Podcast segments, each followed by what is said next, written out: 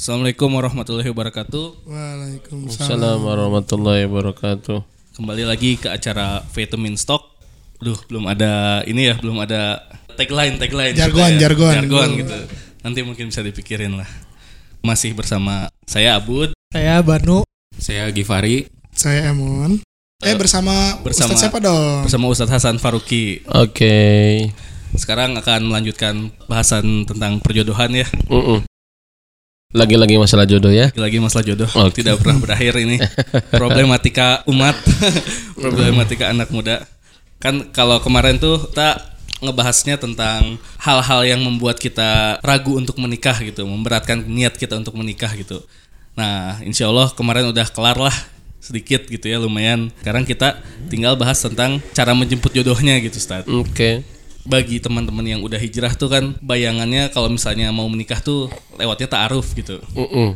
Tapi terkadang kalau mau ta'aruf tuh aduh gimana ya takut nggak cocok takut ya prosesnya tuh sebenarnya kita tuh nggak tahu gitu apa sih yang harus diambil dalam menjemput jodoh yang syar'i itu gitu nah sebenarnya kalau misalnya kita bandingkan dulu lah Ustaz pacaran dan ta'aruf tuh bedanya gimana sih Oke, ya bismillahirrahmanirrahim. Alhamdulillah wa syukurillah la haula wa la quwata illa billah. Subhanaka la ilma lana illa ma 'allamtana innaka antal alimul hakim. Baik sahabat-sahabat vitamin yang dirahmati oleh Allah, ya kita kembali sore kali ini eh, ngebahas lagi-lagi seputar masalah jodoh ya. Dan masalah jodoh ini benar-benar gak habis dibicarakan. Ya, tahu kenapa alasannya apa? kenapa karena hidup kehidupan belum berakhir gitu ya. Karena butuh Selama hidup masih ada jodoh senantiasa ya apa namanya selalu jadi topik gitu jadi wacana ya pembicaraan dicari. begitu ya. Dan memang hidup selalu terkait dengan jodoh kan ya. Seperti antum-antum sekalian, rekan-rekan sekalian hari ini ketemu dengan anak pun itu adalah jodoh hakikatnya bisa ketemu ya. Makanya suka ditanya, "Ustaz, apakah ini jodohku atau bukan?" Nyateuing atuh nyata apa. itu kan ya sebab jodoh itu adalah sudah terjadi. Ya sudah terjadi. Kalau belum terjadi belum jodoh ya, baru memburu jodoh atau membidik jodoh ya atau mentarget jodoh ya begitu. Masih gue lihat. Ya, dan kita masuk mungkin ke tahapan gimana caranya supaya kita bisa memasuki jenjang pernikahan ya begitu. Eh, apa namanya yang yang kita kenal hari ini adalah dengan istilah ta'aruf begitu. Padahal kalau secara syar'i yang saya ketahui ya wallahu alam memang tidak diwajibkan syar'i eh, apa secara ta'aruf itu ya atau misalkan sesuatu hal yang wajib bin kudu dijalani sebelum menikah begitu. Karena kalau kita lihat ta'aruf sendiri adalah eh, asal kata dari ta'arofa ya ta'arofu ta'arufan ya ta'aruf itu saling mengenal. Kalau arofa mengenal, ta'arofa saling mengenal. Jadi intinya adalah saling mengenal untuk memasuki jenjang pernikahan. Dan ini adalah supaya tidak terjadi pelanggaran-pelanggaran syariat atau hal-hal yang mengurangi keberkahan sebelum masuk kepada gerbang pernikahan begitu. Ustaz aku nggak taruh langsung aja nikah boleh nggak? Ya boleh lah. Gitu asal punya ketawakalan yang tinggi gitu.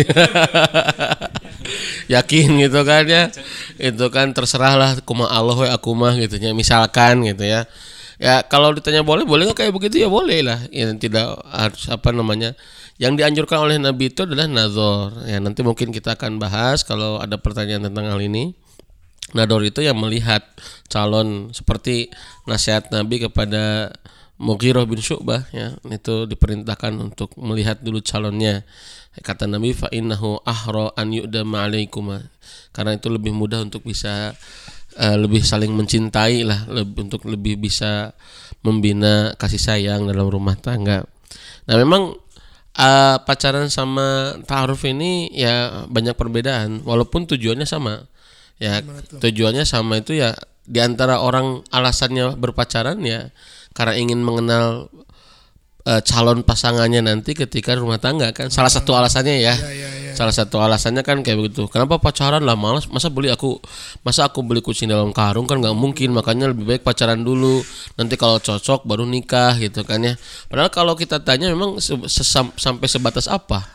Ya gitu kan kita bisa saling mengenal kan begitu di pacaran juga nggak mungkin kita bisa 100% saling mengenal kan? Sebab ada hal-hal yang tidak bisa kita lakukan kan? Kecuali setelah rumah tangga kan begitu ya?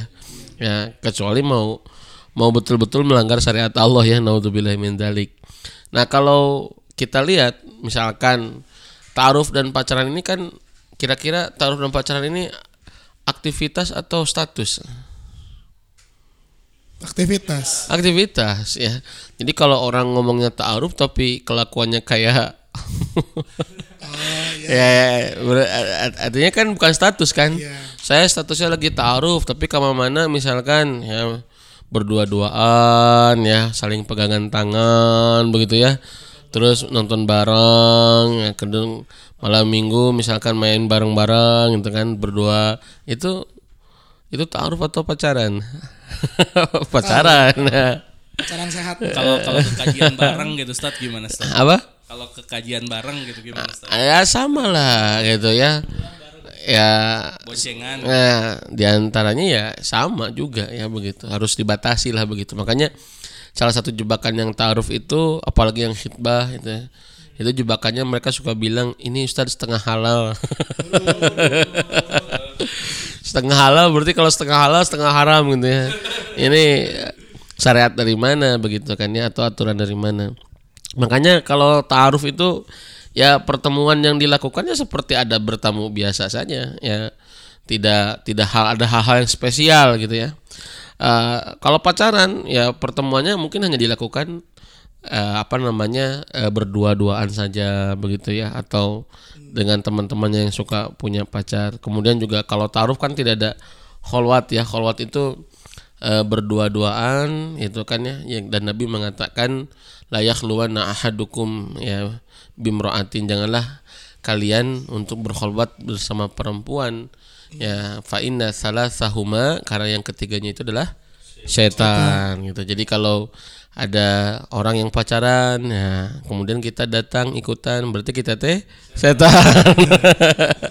Berarti bedanya gimana tuh. Tat, si pacaran dan taruh? Iya, itu di antaranya. Di antaranya bahwa kalau taruh tidak ada ruang untuk berkholwat. Oh, ya nggak ada berdua-duaan. Makanya nanti tak harus ada Perantara gitu. harus ada mediator gitu kan harus ada perantara siapa nih kakaknya atau saudaranya kemudian juga apa namanya itu lama waktunya juga beda ya. Kalau kalau taaruf ya kaidahnya lebih cepat lebih baik. Ya begitu ya. Lebih cepat lebih baik. Tapi ada nggak Pak Harsad saya udah taaruf nih dua tahun gitu ya. Dua tahun malah taaruf nganjung motor ya namanya. Kredit motor ya gitu. Kalau tapi kan Pak Ustadz saya pinginnya sama dia misalkan begitu ya. Jadi ya biarin aja itu kan. Jadi kalau kita sudah jangan saling mengikat janji ketika sebelum pernikahan itu dikhawatirkan kan saling memberatkan kan. Sedangkan tidak ada hubungan sama sekali begitu ya. Jadi lamanya lama waktunya pun udah beda itu kalau di taaruf ya lebih cepat lebih baik. Kalau di pacaran ya bisa bertahun-tahun ya berbulan-bulan begitu. Makanya kalau sudah mulai taaruf ya makanya taaruf itu tidak dilakukan kecuali niat untuk meni menikah. Jadi kalau anda an- kalau kita mau taaruf berarti sudah siap untuk menikah ya bukan main-main gitu ya. Karena taaruf itu tidak dilakukan kecuali orang mau mau menikah. Ya kemudian juga eh, berdasarkan rasa cintanya ya kalau tidak ada kalau taaruf ya tidak ada ungkapan rasa cinta sayang-sayangan di awal gitu ya sebelum akan menikah gitu. Apalagi bilang say-say beb-beb gitu ya sebelum nikah nah, itu nggak ada ya kalau pacaran kan bebas memanggil apa aja kan tapi ini Pak Ustadz panggilnya Abi Umi Ya syariah sedikit lah. Ah, ya ini pacaran Islami ya, panggilnya Abi Umi. Ya, apa namanya?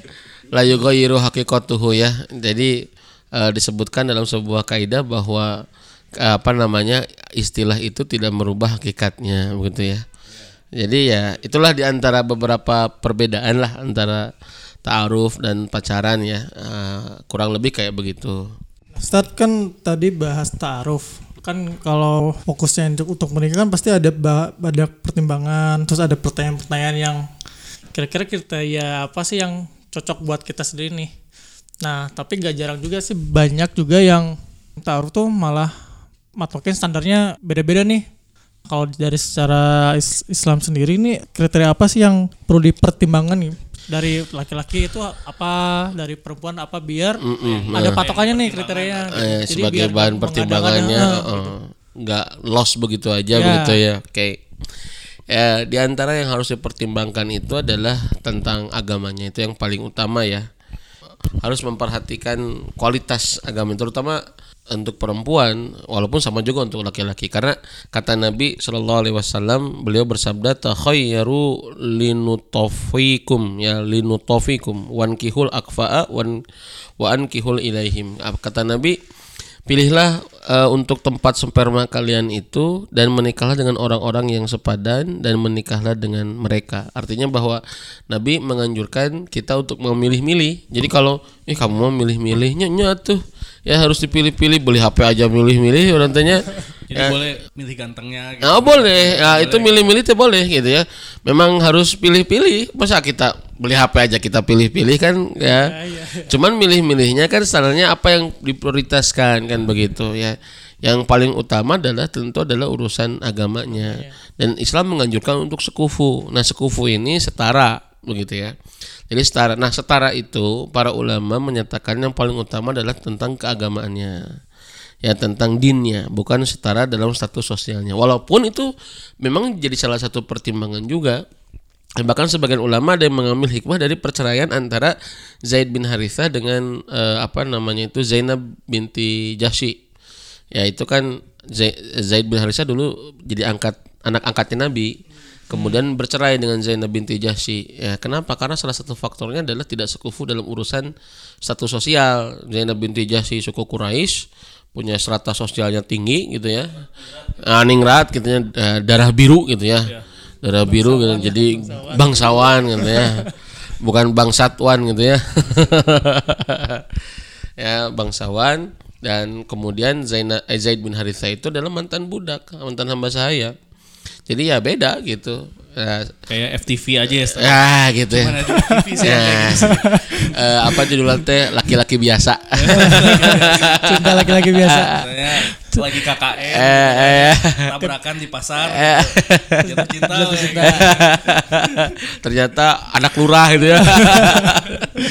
Anak anak anak tuan tanah gitu ya ya kurang lebih kayak begitu. Nah makanya tapi yang paling utama sekufu itu dalam hal masalah agamanya. Begitu. Nah, ada eh, apa namanya ke- kemudian juga boleh memperhatikan eh, status sosial gitu ya strata pendidikan kemudian lihat lagi apa namanya urusan misalkan latar belakang karakter dia gitu kan ya. Jadi sah sah sah saja itu. Tapi yang paling prioritas adalah ya itu adalah agamanya. Makanya kenapa Nabi mengabarkan tun kahul mar'atu eh, li- biarbain kan eh, bahwa perempuan itu dinikahi disebabkan empat perkara itu ya. Ya. Ya, agamanya kan ya lidiniha wali jamaliha ya wali nasabiha wali maliha kan begitu ya.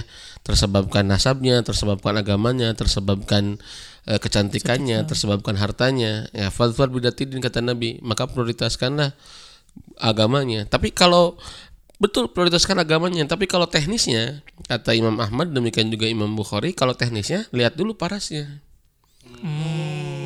Teknisnya teh lihat dulu parasnya. Lihat dulu parasnya. Tinggal nih gelis tuh kasep tuh gitunya wah gelis eh masya Allah misalkannya Ya. tapi ingat ini nih, nih lihatnya untuk dinikahi. Lain lain kernong nong dapur ruguh ya gitu ya. Yang di save foto. Eh, apa bukan untuk nafsu semata. Ini saya kita mau nikah cari oh ternyata dia dia tuh cantik gitu ya. Terus lihat agamanya. Ah agamanya jelek. Tolak gitu kan. Agamanya kurang baik. Tapi kalau kita lihat agamanya dulu ya oh kita denger nih gitu ya. Misalkan si fulan teh solehah misalnya kita denger nih denger. Tapi kita nggak pernah lihat misalkan kita dengar wah dia teh hafizah 32 juz misalkan ya. Foto seri eta berarti nyaho. ya misalkan Hafidhah dia misalkan 30 juz misalkan kemudian kita dengar dia teh wah ngedidik anaknya bagus misalkan dengar aja baru dengar. Ya. Kita teh memutuskan untuk apa ngelamar dia pas ternyata ya gitu kan. Eh, apa namanya parasnya aduh eh berat eh gitu ya misalkan ya Da, da relatif ya Stat ya. ya gitu ya Mun sidik-sidik mah ayaan lah. ya gitu ya jadi Jadi ya terus kita nolak. Nah, itu justru jadi masalah, Wah. Karena kata Nabi, iya, termasuk perempuan ke laki-laki juga sama. Idza khataba ilaikum man tardawna dinahu wa khuluquhu fazawijuhu ila taf'alu takun fitnatun fil ardi wa fasadun arid. Apabila salah seorang yang agama dan perilakunya bisa kalian terima, kata Nabi meminang putri kalian, maka nikahkanlah dengannya. Agamanya bagus nih, ya. Ya di- bisa diterima nikahkanlah. Jika kalian tidak melakukannya maka akan menjadi musibah di bumi dan kerusakan yang nyata. Itu hadis Imam At-Tirmidzi. Perilaku tuh ahlaknya berarti. Iya makanya eh, tetapi kan Islam tidak menafikan urusan fisik ya dibolehkan. Makanya kenapa kata Nabi kepada Mughirah bin Syu'bah itu fangdur ilaiha. Lihat dulu. Ya makanya ulama membolehkan untuk apa namanya nazar untuk melihat calon calon istri kita teh harus dilihat atau calon suami kita teh harus harus dilihat gitu kan. Ya kayak begitu. Bahkan Imam Ibnu Jauzi mengatakan barang bagi siapa yang bisa bercakap-cakap atau membuat perempuan yang akan dipinangnya berbicara mengenai perkara yang perlu diperhatikannya lalu ia memandanginya maka yang sebaiknya dipandang adalah mulut dan kedua matanya kalau bisa lakukanlah itu ngerti nggak maksudnya Iya, jadi boleh kita melihat gitu kan. Kenapa? Karena itu syariat syariat nador ya, syariat apa namanya eh, dari Nabi. Makanya para ulama pun menganjurkan demikian. Wallahu a'lam bishawab. Kalau kita lihat kriteria Imam Al-Ghazali sedikit ya. Ya, kalau kita lihat Imam Al-Ghazali misalkan ini ada delapan kriteria nih kata Imam Al-Ghazali. Saya bacain ya. Yang pertama adalah kata Imam Al-Ghazali kesolehan dalam beragama. Ya, yang kedua adalah berakhlak mulia. Ya, yang ketiga memiliki keelokan wajah dan fisik. Ya, pantas lah gitu ya begitu ya. Tapi enggak orangnya kudu ngentengnya. Kita juga harus bercermin ya. Ya. Hari istri pingin secantik Krisdayanti ya hari hari orang gitu kan ya begitu ya. Dayanto ya. Tapi Tat siapa tahu Tat siapa tahu Iya, nggak nggak apa-apa ya. Siapa tahu apa siapa tahu dapat. ya mungkin ya, artinya nggak jadi masalah itu sah-sah saja gitu kan ya. dan banyak yang kayak begitu kan kadang kala kita lihat eh nahnya bisaan gitu kan. Ya gitu kan. Dia tidak apa-apa tidak dilarang. Cuman maksudnya adalah ketika seseorang menetapkan standar ya ya silakan. Dia juga harus um, tahu diri gitu kan ya. Ya gitu. Yang keempat tidak menuntut mahar yang berlebihan. Ini terutama hak perempuan ya. Nah, hak perempuan gitu kan ya. Yang kelima berpotensi untuk memiliki banyak anak. Ya ini perempuan. Makanya nanti dalam Islam pun eh, ada permasalahan-permasalahan nanti seputar eh, apa namanya lemah sahwat. Ada itu dibahas tuh oleh para ulama eh, ketika tidak bisa memberikan keturunan begitu. Kemudian yang keenam dianjurkan masih lajang begitu ya gadis atau bujang lah ya gitu ya. Diutamakan begitu. Ya bukan janda atau bukan duda diutamakan. Tapi dia tidak menentukan keharmonisan rumah tangga gitu kan. Nabi saja dari Janda ya. eh, dari 11 istrinya yang gadisnya cuma satu sahasok Aisyah. Aisyah radhiyallahu anha betul ya 100 buat antum lah ya.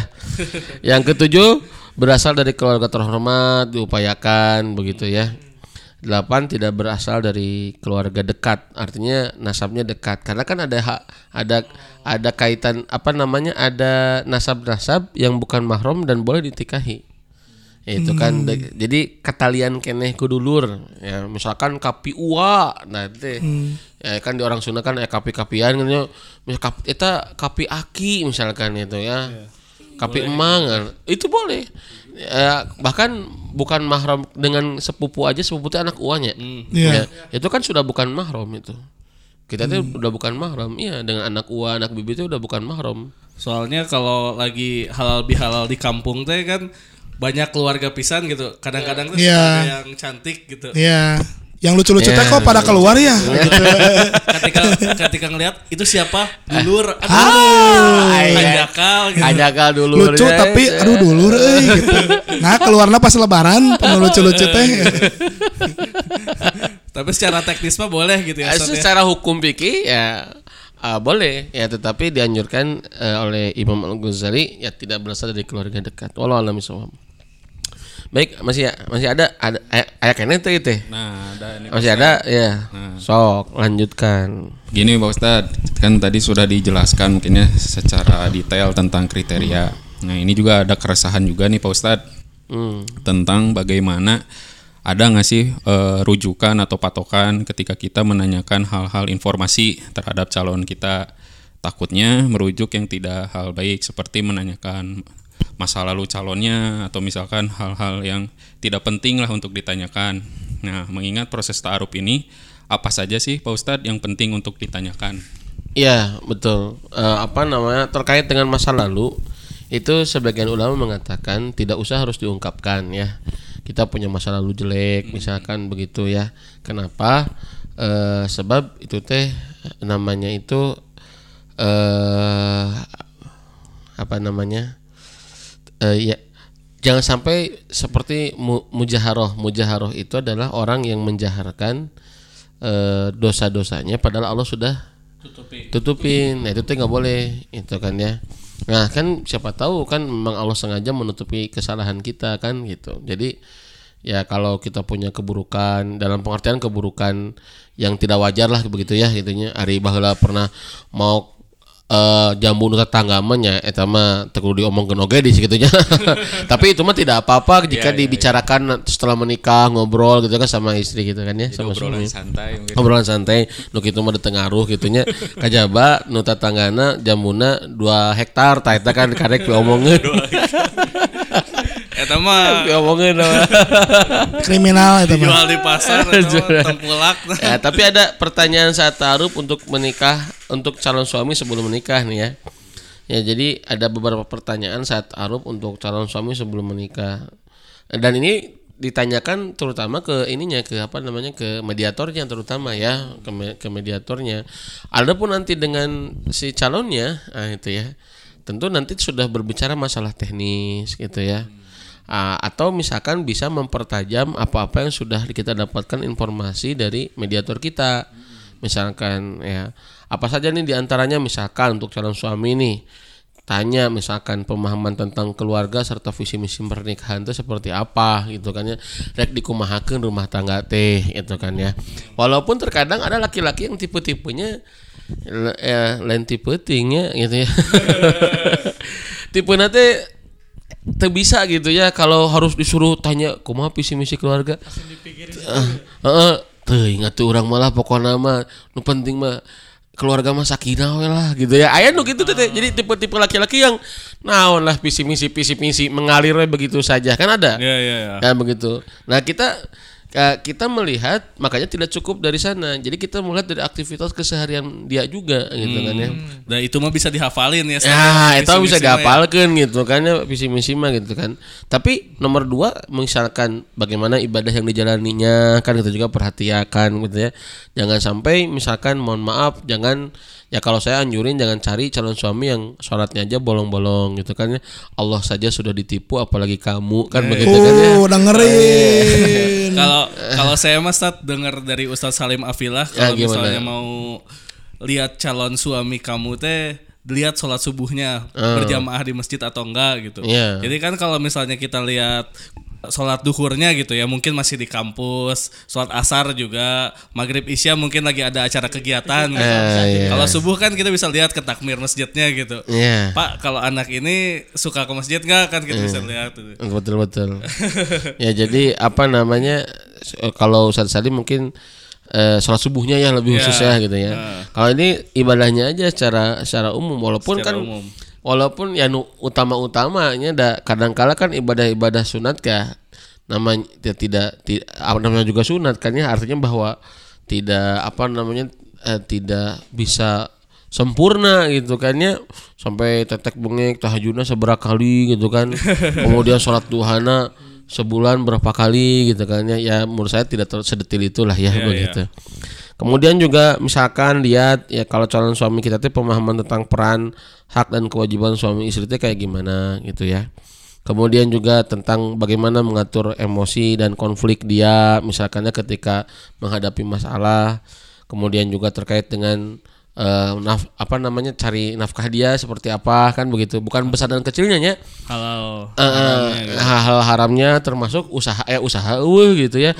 Ya makanya saya saranin kalau ahwat-ahwat ada calon suami datang tapi misalkan eueuh gadagnya terbuka kahayang dengan duit montong diterima.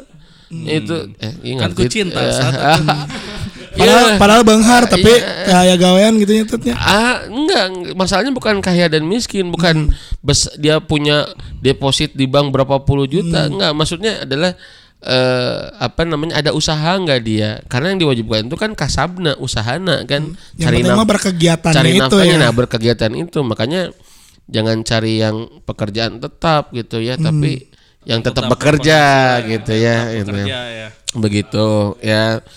Eh apa namanya ya itu kurang lebih lah ya untuk calon suami. Kalau untuk calon istri nih bagi para bagi, bagi para laki-laki misalkan bagaimana kedekatan si istri dengan ayah itu juga salah satu pertimbangan kita gitu ya. Kenapa tuh kenapa? Karena itu pengaruh loh. Pengaruh tentang tentang kualitas eh, apa namanya itu eh hubungan dengan ayah itu membuat si anaknya tidak mudah labil.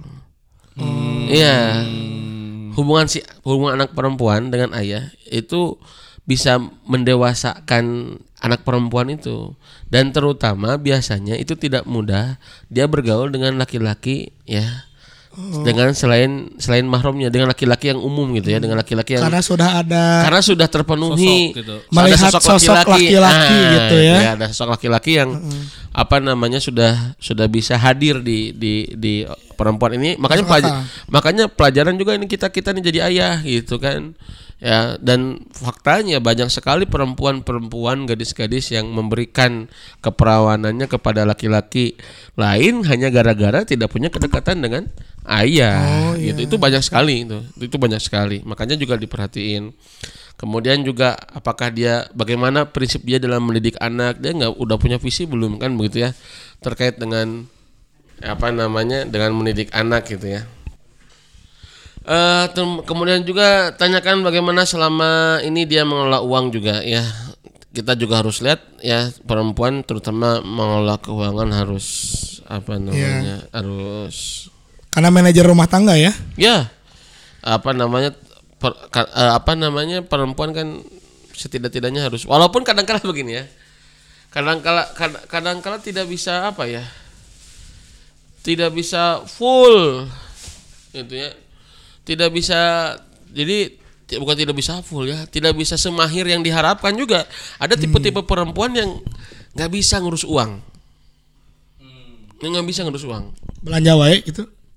Bukan masalah belanja aja. Jadi dia nggak bisa. Iya nggak bisa ngelola uang gitu ya. Teapik gitulah. Oh. teka duit sabar hawa ke beak gitu. Jadi strateginya kurang Ah. ini gitu ya. Selain masalah strategi memang attitude mental. Nggak terlatih gitu manajer keluarga ya sebenarnya si si istri teh. padahal sebe- idealnya perempuan itu bisa ngelola uang. Idealnya. Tapi faktanya di lapangan terkadang justru yang mahir ngelola uang teh sebagian mah ada di suami. Kadang-kala makanya jangan heran kalau ada perempuan nih di rumah tangga ya sebagian rumah tangga ada perempuan-perempuan yang kalau apa namanya itu kalau kalau kalau ngelola uang itu dari suaminya di suaminya. Dan perempuan mah cuma di istrinya tuh cuma nerima nerima gitu. Ada yang kayak begitu. Ya udah kadang ayat cek orang Sunda mah di alas gitu nya. Ya. ini satu hari ini satu minggu. Sakitu karena kalau dikasih brok sabulanan habis. Dua, dua dua satu minggu udah habis gitu kan untuk uang sebulan. Ada yang tipe kayak tipe tipe kayak begitu. Makanya ya itu mah dikembalikan lagi kepada kebiasaan dan musyawarah. Ya oleh karena itu ala kulihal begini teman-teman sekalian ya kriteria ini kayak tidak terlalu tidak jangan terlalu banyak juga dipertimbangkan ya. Intinya adalah eh, yang paling utama ya tadi teh apa namanya niat baik keagamaan ya. Karena banyak variabel-variabel di rumah tangga itu nanti yang ya apa namanya ya yang nggak bisa diselesaikan dengan hal itu juga gitu kan ya.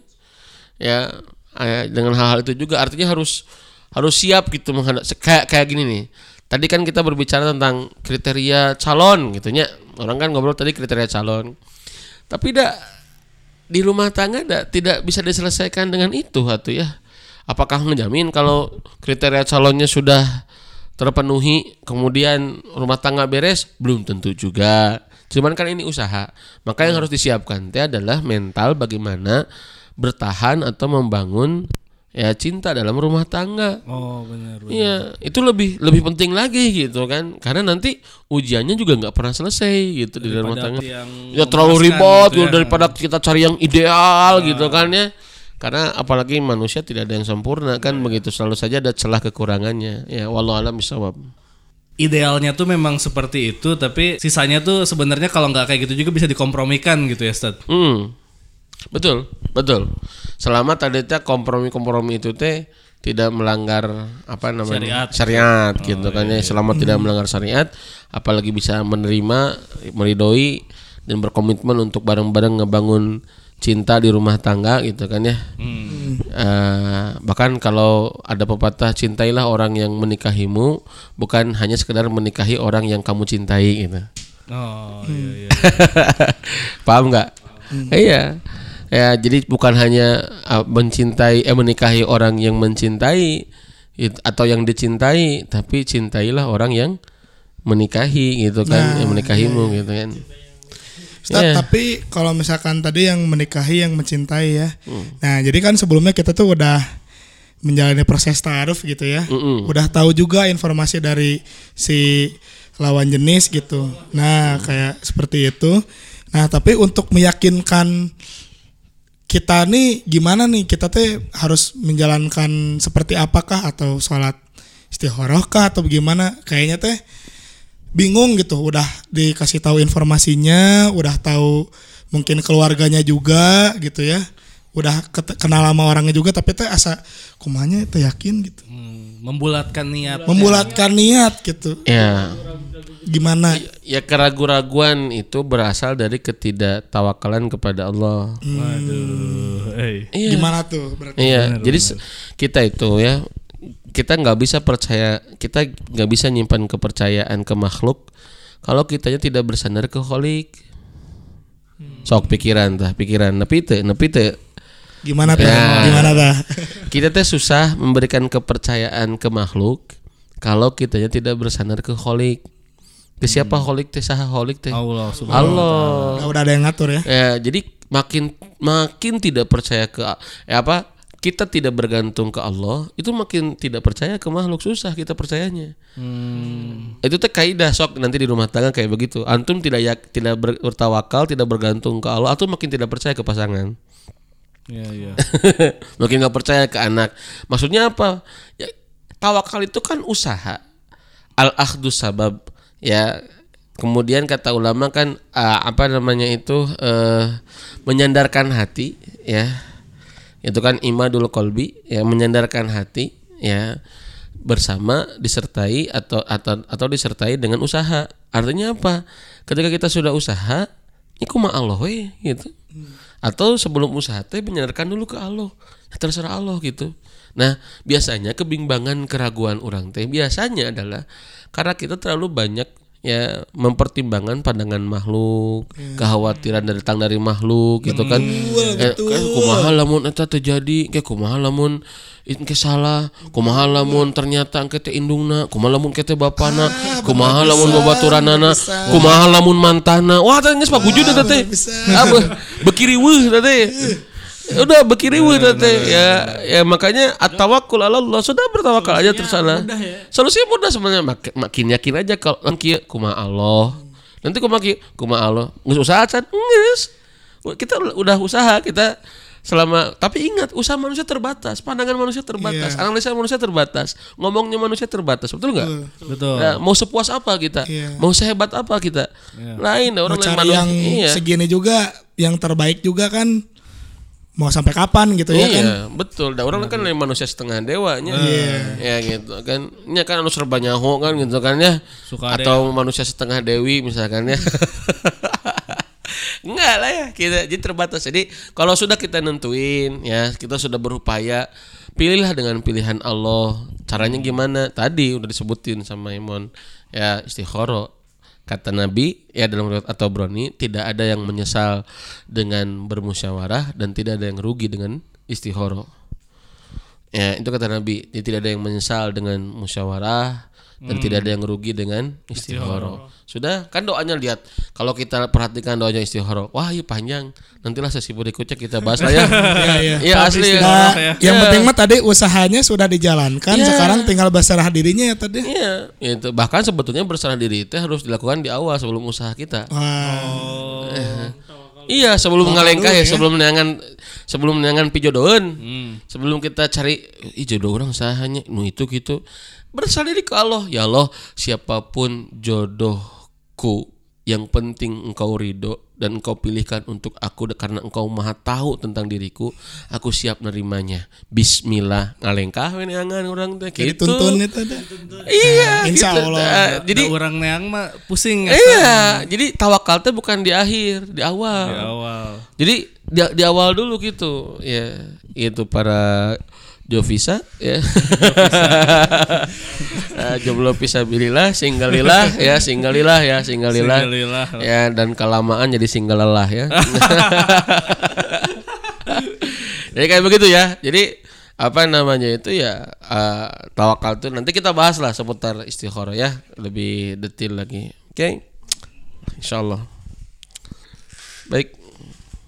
Gimana sahabat-sahabat? Masih ada tanya-tanya nggak Ada nih. Gimana, No? Ya nih Ustaz, em, kan tadi ngobrolin taruh proses bla bla bla terus istihoro tawakal.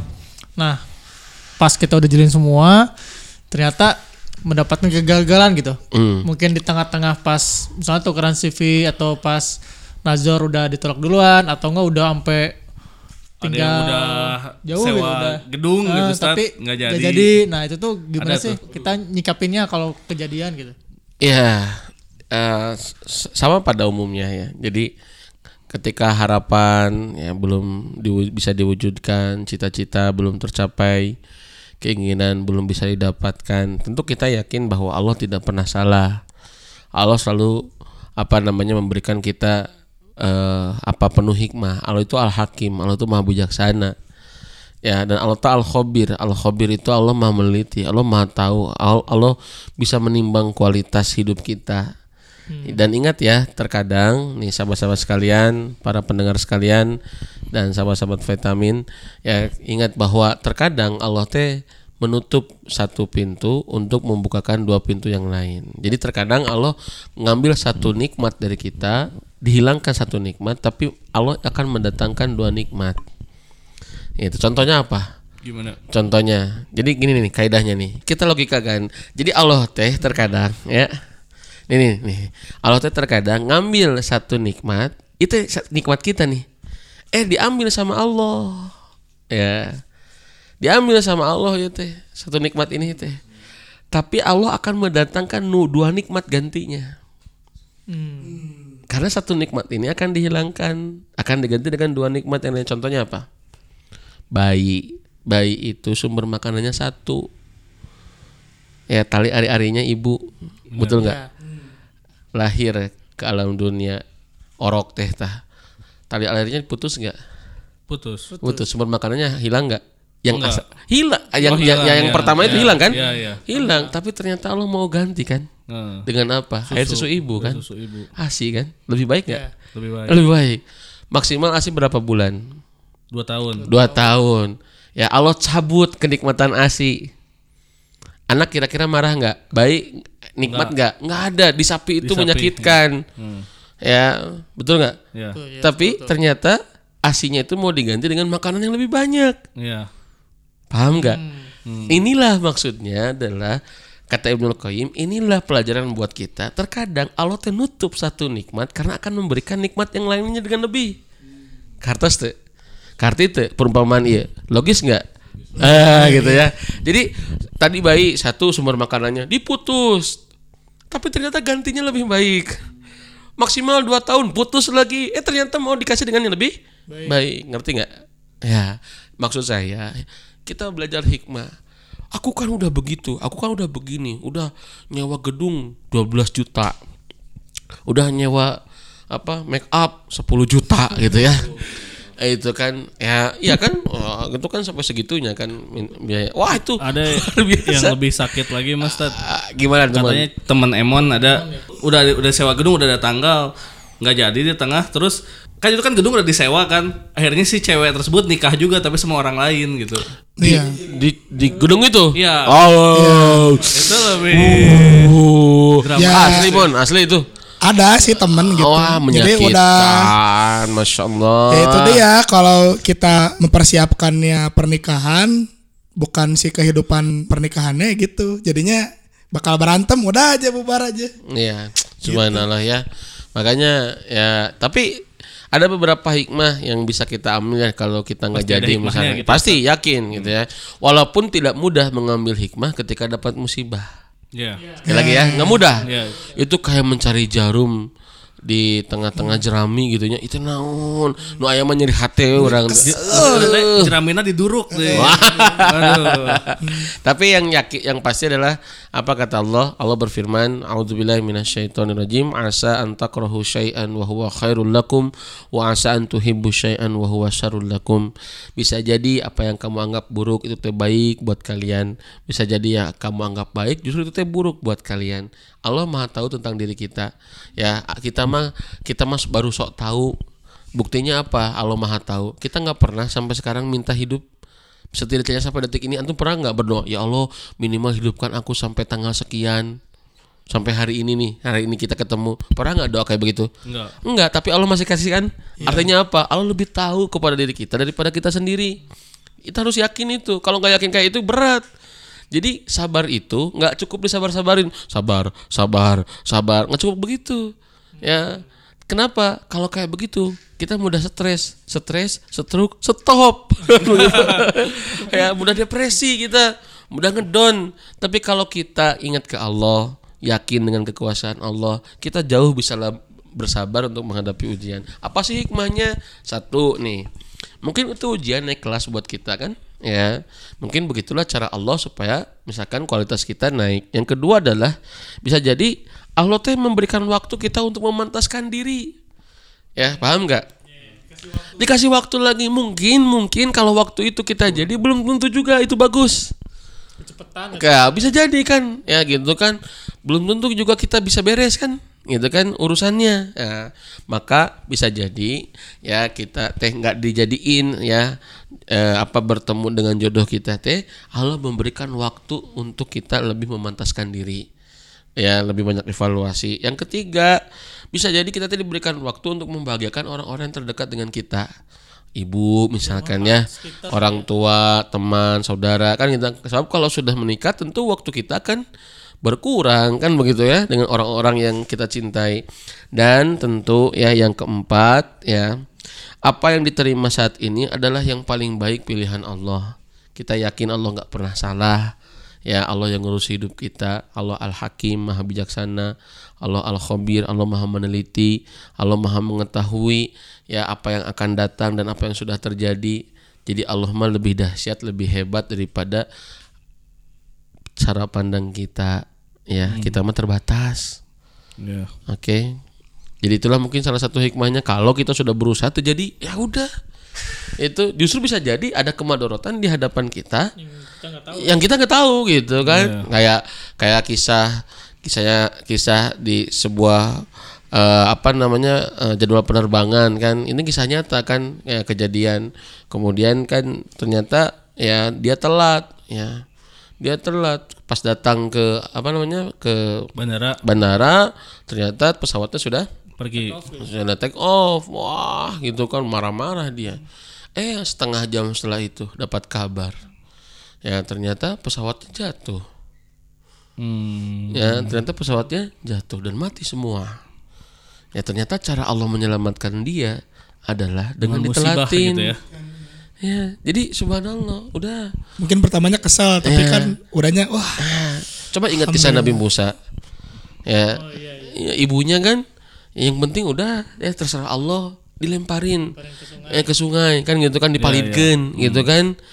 Ya, ternyata Balik lagi. eh justru begitulah Allah untuk mendapatkan kehidupan Nabi Musa dan ibunya lebih baik. Bayangin, udah didapatin baiknya, bayinya hidup di istana, disembarakan cara yang bisa menyusui anak eh anak eh, or- bayi itu kan, orok eta teh ya. Ternyata nggak ada kecuali ibunya. Coba bayangin, anak sendiri dikasih asih sama dia di istana dibayar. Kebayang nggak? Iya. Ya. Tak ngerti kan? Padahal awalnya masuk berat tuh ngelepaskan. Ah berat, udah. Kalau itu harus melepaskan apalagi itu dari Allah, melepaskan yang kita anggap jodoh kita gitu kan. Lepasin aja dan itu belum tentu baik. Ya begitu kan. Itu kita harus berdamai dengan diri kita. Dan itu jangan di jangan disimpan. Kalau disimpan suatu saat nanti meledak-ledak. Kan begitu. Apalagi sudah dapat kekecewaan dari suami yang ada. Wah, diungkit-ungkit lagi kan begitu. Oke, jadi bersihkan itu semua. Oke, itu kurang lebih hikmah yang bisa kita ambil ketika memang ya apa yang kita rencanakan gak jadi. Nah, ini juga menarik nih Ustadz. Eh, kan ada yang udah menjalani proses ta'aruf dengan syariat yang benar, lalu menikah gitu ya. Tapi setelah menikah teh ternyata cerai juga gitu. Itu teh karena prosesnya terburu-buru sampai fokusnya yang penting nikah tanpa mempertimbangkan hal lain atau sebenarnya salahnya ada di mana gitu. Ustadz? Soalnya itu oke. teh terkadang gitu ya di apa ya halayak ramai gitu ya Mungkin gini suka kali. suka memberi citra buruk kepada Ta'aruf gitu ta'aruf ya? gitu. Oh, Ah, iya. gara-gara ta'aruf sih si ieu mah. Makanya jangan ta'aruf gitu. Ya, kita coba buktinya. Kita lebih dengar banyak cerita mana? Tanya yang cerai sekarang. Itu gara-gara taruh, gara-gara pacaran. Kebanyakannya. itu coba tanya. Kalau kita mau bicara data, ya jangan berbicara hoak ya itu ya.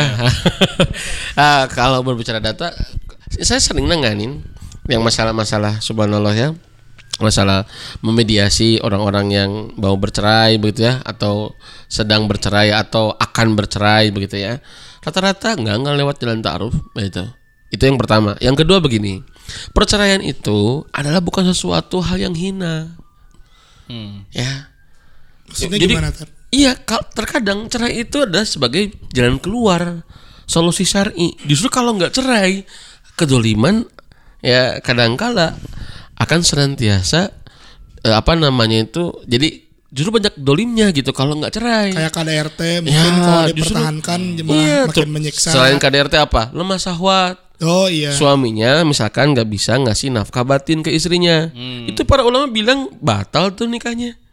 Ya, kasih waktu satu tahun kata para ulama. nggak bisa Ya. ngasih cucu. Ah, nggak nggak bisa ngasih anak gitu kan ya. Jadi artinya suaminya teh tidak bisa apa namanya memenuhi kebutuhan seksual istrinya. Iya, ada kasus kayak begitu. Di samping kalau misalnya nggak punya anak sama lemah syahwat kan kadang-kadang beda apa ya? Be- ya betul Ya, betul gitu beda kan. be- beda apa namanya beda, judulnya. Beda judul gitu kan kadang-kadang ya ya itu betul betul betul eh, apa namanya beda ya beda ya Beda. itu betul betul maksud saya gini jadi maksudnya adalah terkait tadi rumah sawat ya gitu ya Iya, iya. kalau terkait dengan belum bisa ngasih anak itu mah takdir. ah ya, takdir gitu kan ya walaupun tentu bisa diusahakan dengan pengobatan lain sebagainya begitu Ya, ya, ikhtiarnya tapi ya. maksud saya lebih utama itu adalah tidak bisa memberikan kebu apa namanya kebutuhan biologis itu Ya, ya, ya. itu kan bisa bisa bisa bisa bisa dolim tuh ke, suami- ke istrinya Mungkin itu lebih bisa tepatnya tadi yang biologis ya. Nah itu ya, bukan an- nggak bisa ngasih anak ya. Oke. iya. Itu lebih lebih itu juga dolim itu ya atau sebaliknya istrinya nggak bisa. Hmm. Apakah ada penyakit, apakah ada apa sehingga suaminya misalkan tidak bisa terpenuhi kebutuhan seksualnya, itu bisa terjadi perceraian. Gitu. Jadi cerai itu kadang-kala harus wajib, kadang-kala bisa jatuh ke wajib ketika memang ada poin-poin tertentu yang tidak bisa diselesaikan. Kayak begitu. Jadi jadi afwan, Nabi saja hampir cerai Hmm. Iya, iya. ya dengan Aisyah dengan Hafsah. Aisyah dan Hafsah sudah diancam cerai waktu itu. Lihat surat At-Tahrim nanti. Ya ayat kelima itu sudah terancam itu. Ya Aisyah dan Hafsah itu sudah diancam cerai. Ya Aisyah anaknya Abu Bakar, Hafsah anaknya Umar bin Khattab radhiyallahu anhuma. Kedua-duanya udah mulai galau juga, takut anaknya dicerai sama Nabi. Begitu. Ya, tetapi ternyata tidak jadi karena Aisyah dan Hafsah kemudian melakukan perbaikan kepada Nabi Muhammad Shallallahu Alaihi Wasallam. Jadi kayak begitu. Tapi satu sisi, kenapa cerai itu dicela dalam Islam? Bahkan disebutkan sebagai apa namanya perjuangan setan yang paling hebat gitu ya sehingga dapat reward dari iblis setan yang bisa memisahkan eh, apa namanya kedua mempelai gitu ya atau kedua eh, pasangan ya pasangan suami istri. Kenapa? Sebab kata para ulama bukan cerainya, tapi perilaku suami istrinya. ya yang menyebabkan cerai itu apakah karena kemaksiatan gitu kan apakah karena kedoliman itu yang dicelaknya Mungkin cerai itu sebagai solusi kali ya. bisa sangat Saat kasusnya seperti itu. ya gitu kan jadi sa- jadi kalau jadi nggak ngejamin kalau sesok afonnya aku tuh udah taaruf nih bener. Aku udah nggak pacaran. Aku sudah berusaha sesari mungkin. Tapi kenapa harus bercerai juga? Ya nggak bisa nyalahin taarufnya. Karena variabel pernikahan itu banyak. Bahkan eh variabel pernikahan itu banyak loh. Ya emang mohon maaf kesuksesan rumah tangga ditentukan sama taaruf apa? Hmm. Enggak juga. Begitu karena ada harus ada ilmunya. Setelah rumah tangga apa? Kan ada ilmunya ya. iya. Jadi kalau taruhnya bagus, taruhnya hebat, ilmu rumah tangganya nggak ada, ya siap-siap lah banyak masalah. Ya, ya. Penting ya jadi kalau kita untuk belajar ilmu rumah tangga Nah itu, nah itu tema selanjutnya itu yang harus kita Ah, bahas tuh lanjut. ya. Ini eh, ini mah soalnya suat- banyak yang apa suatu- sih meremehkan gitu. Iya, eh, betul. suatu banyak yang meremehkan gitu. Oh taaruf ya iya. Itu tuh kayak ngeburu-buru kawin nggak sih? Gitu. Enggak. J- Jadi, taaruf itu nggak bukan ngeburu-buru kawin. Memang orang yang lakuin taaruf mau nikah. Heeh, jadi Enggak. ada persepsi dari masyarakat. Oh lo mau taaruf ya berarti lo emang buru-buru mau kawin ya? Ya emang iya karena kan emang buat ibadah gitu kan ya. Memang buat nikah. Jadi taaruf itu nggak dilakuin kecuali mau nikah. Nggak disebut buru-buru, Ya, ya. tapi menyegerakan. Menyegerakan itu bukan mem- memburu-buru Ya, ya, ya. gitu. Tapi menyegerakan juga bukan berarti ya tadi bukan berarti terburu-buru tetap harus kita harus pertimbangan-pertimbangan yang Oh harus iya, jelas, ya. dipertimbangkan Eh, gitu iya. itu Yang dibahas di- sebelumnya ya. Ah, gitu harus di yang bukan yang asal pengen nikah eh taruh ya udah hayu gitu kan kayak Jadi yang kayak buru-buru. gitu, gitu, gitu. Eh lo kok udah lama nggak menikah udah umur segini taruh aja biar dapet cepet jodoh. Wah, kan suka ada yang bilang gitu kan. keliru juga itu kan. jadi juga, gitu. iya, jadi nggak begitu juga begitu kan. Jadi taaruf itu bukan mempercepat gerbang pernikahan, tapi memang cara atau atau apa namanya itu salah satu solusi untuk bisa memasuki gerbang pernikahan supaya tidak banyak melanggar syariat. Jadi langsung ke inti-intinya gitu ya. Ya, begitu. Apa sih yang penting so Eh, gitu, taruh sesungguhnya kapan? setelah menikah? Setelah menikah. Setelah menikah itu taruh sesungguhnya. Gimana tuh Tad? Iya, nanti kita baru tahu kan. Oh, ternyata cara tidurnya begini ya. Geningan sok ngoroknya. Oh, geningan hitutna kieu nya. oh, geningan cara makannya begini ya. Karena tinggal bersama oh, ya, jadi ternyata tahu Oh ternyata ngomongnya begini ya. Oh ternyata cara menyelesaikan masalah begini ya. Oh ternyata ngambek kieu nya. Oh ternyata rungsing teh kieu nya gitu ya. Oh ternyata dia teh begini. Nanti taruh itu setelah menikah. Jadi kalau saya lebih nyaranin ya buat para single lah ya jauh Yang visa. mu- udah mulai single Ah, lah. yang udah mulai lelah, single lila yang udah mulai lelah. Jadi justru saya nyaranin menyiapkan mental kita ya sesudah menikah itu jauh lebih diutamakan daripada sekedar kita misalkan ya memberikan standar-standar yang ngeribetin diri kita sendiri gitu. kuota. Iya. Hafalkan dah. Ya. Ya, daripada kita menyiapkan apa membuat standar-standar yang ribet sih karena itu bentuk kekhawatiran misalkan nanti gimana kalau begini makanya standar terapin standar ini nanti khawatir begitu nanti rumah tangga terapin standar ini yang kadang kala puntennya tersunat-sunat acan gitu cekasar namanya Kadang-kadang Ya, itu mah itu ditentukan oleh orang lain Iya ya. ditentukan oleh enggak termasuk ditentukan oleh dirinya sendiri. Oh, gitu. Iya nentuin wah pokoknya akunya begini begini begini begini begini begini, begini gitu ya. Hmm. Karena khawatir nanti kalau udah menikah teh khawatirnya begitu dan begini Karena kejadiannya. lihat orang lain gitu mungkin.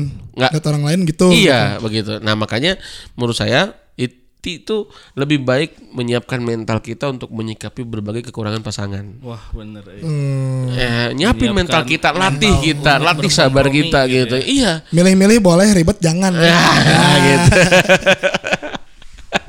Milih-milih boleh ribet jangan. Itu sahabat-sahabat sekalian. Wallah alam bisawab. Gimana nih? Masih tersisa atau udah tuh? Udah ya. Udahlah kayaknya. Eh, Alhamdulillah ya. Alhamdulillah. Oke. Luar biasa pembahasan kali ini. Semoga bisa bermanfaat bagi teman-teman di Vitamins yang suka kekajian maupun yang baru dengar di podcast ini. Semoga menjawab kekhawatiran. Ini kan kita kan mengumpulkan pertanyaan-pertanyaan dari teman-teman netizen gitu ya. Ternyata ini ya semoga ini bisa menjawab lah teman-teman. Oke, jazakumullah khairan kasiran Ustadz dan Amin. teman-teman di sini. Amin. Jangan lupa terus pantengin Instagram Vitamins buat dapat info terupdate mengenai informasi kajian dan podcast terbaru. Boleh juga buat yang baru mau komen, curhat atau masukan yang mungkin bisa jadi kita bisa jadi bahasan kita selanjutnya gitu. Segitu aja ya. Alhamdulillah. Oke, terima kasih. Terima kasih kepada Ustadz Hasan Faruqi. Amin Terima kasih, sama-sama. Di sini juga ada saya Abud. Saya Banu.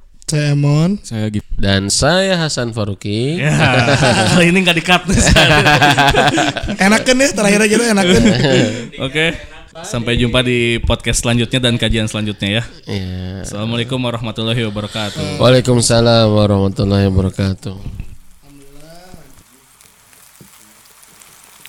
Baik sahabat-sahabat vitamin yang dirahmati oleh Allah, para pendengar sekalian, urusan jodoh adalah urusan yang sudah kita ketahui bahwa itu adalah urusan Allah Subhanahu wa taala, urusan yang banyak kita tidak tahunya dari sebatas daripada kita tahunya. Oleh karena itu, jangan pernah membebani diri dengan berbagai macam ekspektasi atau dengan berbagai macam harapan-harapan yang terkadang bisa membuat kita lebih sang, lebih menyulitkan pilihan-pilihan kita untuk menghadapi jodoh atau memburu jodoh atau menjemput jodoh. Oleh karena itu alangkah baiknya sebelum kita menentukan kriteria pasangan yang akan kita harapkan atau yang ingin kita dapatkan sebelum kita mengkhawatirkan berbagai macam eh, kehidupan rumah tangga yang akan kita jalani bersama jodoh yang sudah ditentukan Allah alangkah baiknya tentu kita lebih banyak mempersiapkan diri memantaskan diri karena kita yakin Allah tidak pernah tidur Allah tidak pernah salah dan Allah selalu memberikan hikmah atas segala kejadian hidup kita. Oleh karena itu sering-seringlah kita bertawakal kepada Allah dan pilihlah jodoh dengan pilihan Allah. Dekatkan diri bersama Allah biar Allah berikan jodoh yang terbaik untuk kita. Barakallahu fikum. Assalamualaikum warahmatullahi wabarakatuh